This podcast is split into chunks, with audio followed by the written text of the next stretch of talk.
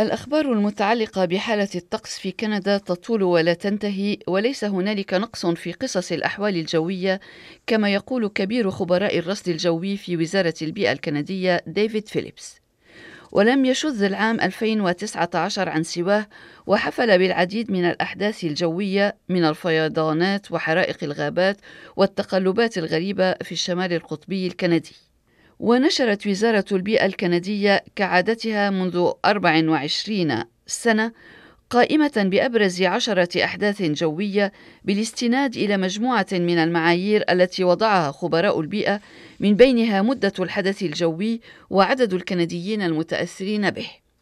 يقول خبير الرصد الجوي في وزارة البيئة سيمون لوغو إن الجفاف أو الحر الشديد قد يشكل الحدث الأبرز في بلد صغير، ولكن الأمر مختلف في بلد شاسع مثل كندا وما يعيشه أبناء الغرب الكندي من أحداث جوية قد يكون بعكس ما يعيشه أبناء الشرق أحيانا ويتحدث لوغو عن أول حدث بارز تصدر قائمة وزارة البيئة هذه السنة ونستمع Cette année, celui qui arrive en tête de liste, c'est l'inondation printanière dans la région de l'Outaouais. Donc, encore une fois, une crue record.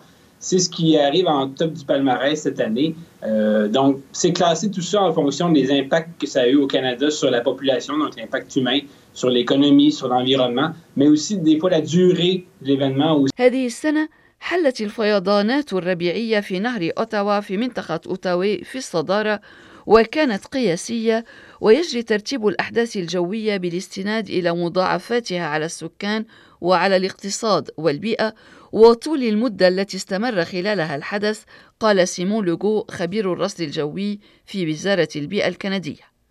وتشكل فيضانات نهر أوتاوا في منطقة أوتاوي التي تفصل بين مقاطعتي أونتاريو وكيبيك تهديدا خلال فصل الربيع مع بداية موسم ذوبان الثلوج.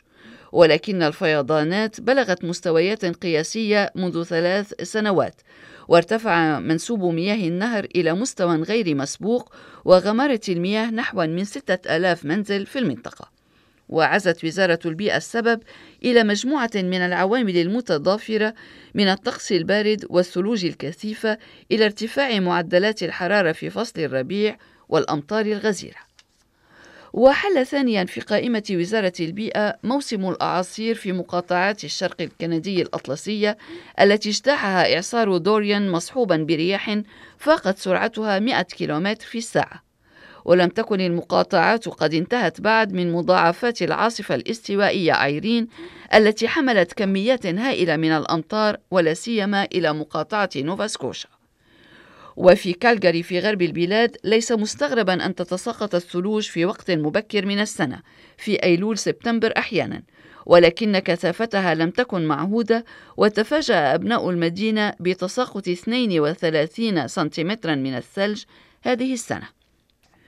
ودوما مع الأحداث الجوية البارزة ومع موجة البرد القطبي التي اجتاحت مقاطعات البراري في وسط الغرب الكندي في شباط فبراير وتدنت الحرارة إلى 40 درجة مئوية تحت الصفر في العديد من أنحاء البلاد بسبب الدوامة القطبية التي عادة ما تلف القطب الشمالي ولكن الهواء القطبي بدأ يتسرب جنوبا منذ بضع سنوات. وبالحديث عن القطب الشمالي أثبت العام 2019 أنه عام آخر حار قياسيا وتراجعت مساحة الجليد البحري إلى 4.5 ملايين كيلومتر مربع وهو ثاني أدنى معدل سنوي قريب من معدل العامين 2007 و2016 ونستمع إلى ما يقوله خبير الأرصاد الجوية في وزارة البيئة الكندية سيمون لوغو. En fait, on a eu de la chaleur euh, au Canada, mais ça se retrouve surtout du côté de l'Arctique. Donc, au, au, courant de l'été, on a eu un été extrêmement chaud dans certaines régions du Nunavut. C'était le plus chaud en 72 ans, donc des vagues de chaleur importantes, euh, des records qui ont été battus, de nombreux records, même des fois à l'extrême nord du Canada. شهدنا موجة من الحر في كندا خاصة في القطب الشمالي.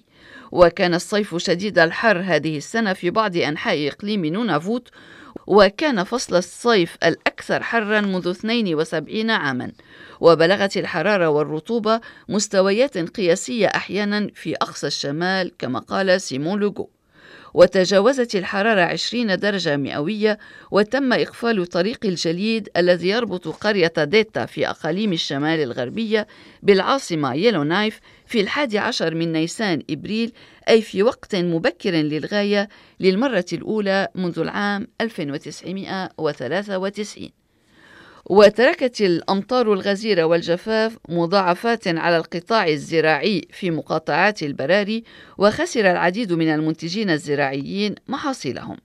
وتحول الربيع في مقاطعة الشرق ووسط الشرق إلى فصل شتاء آخر هذه السنة واجتاحت الفيضانات مقاطعة نيو برنزويك ووصلت الدوامة القطبية إلى مقاطعة أونتاريو التي شهدت فصل الربيع الأكثر بردا منذ 22 عاماً.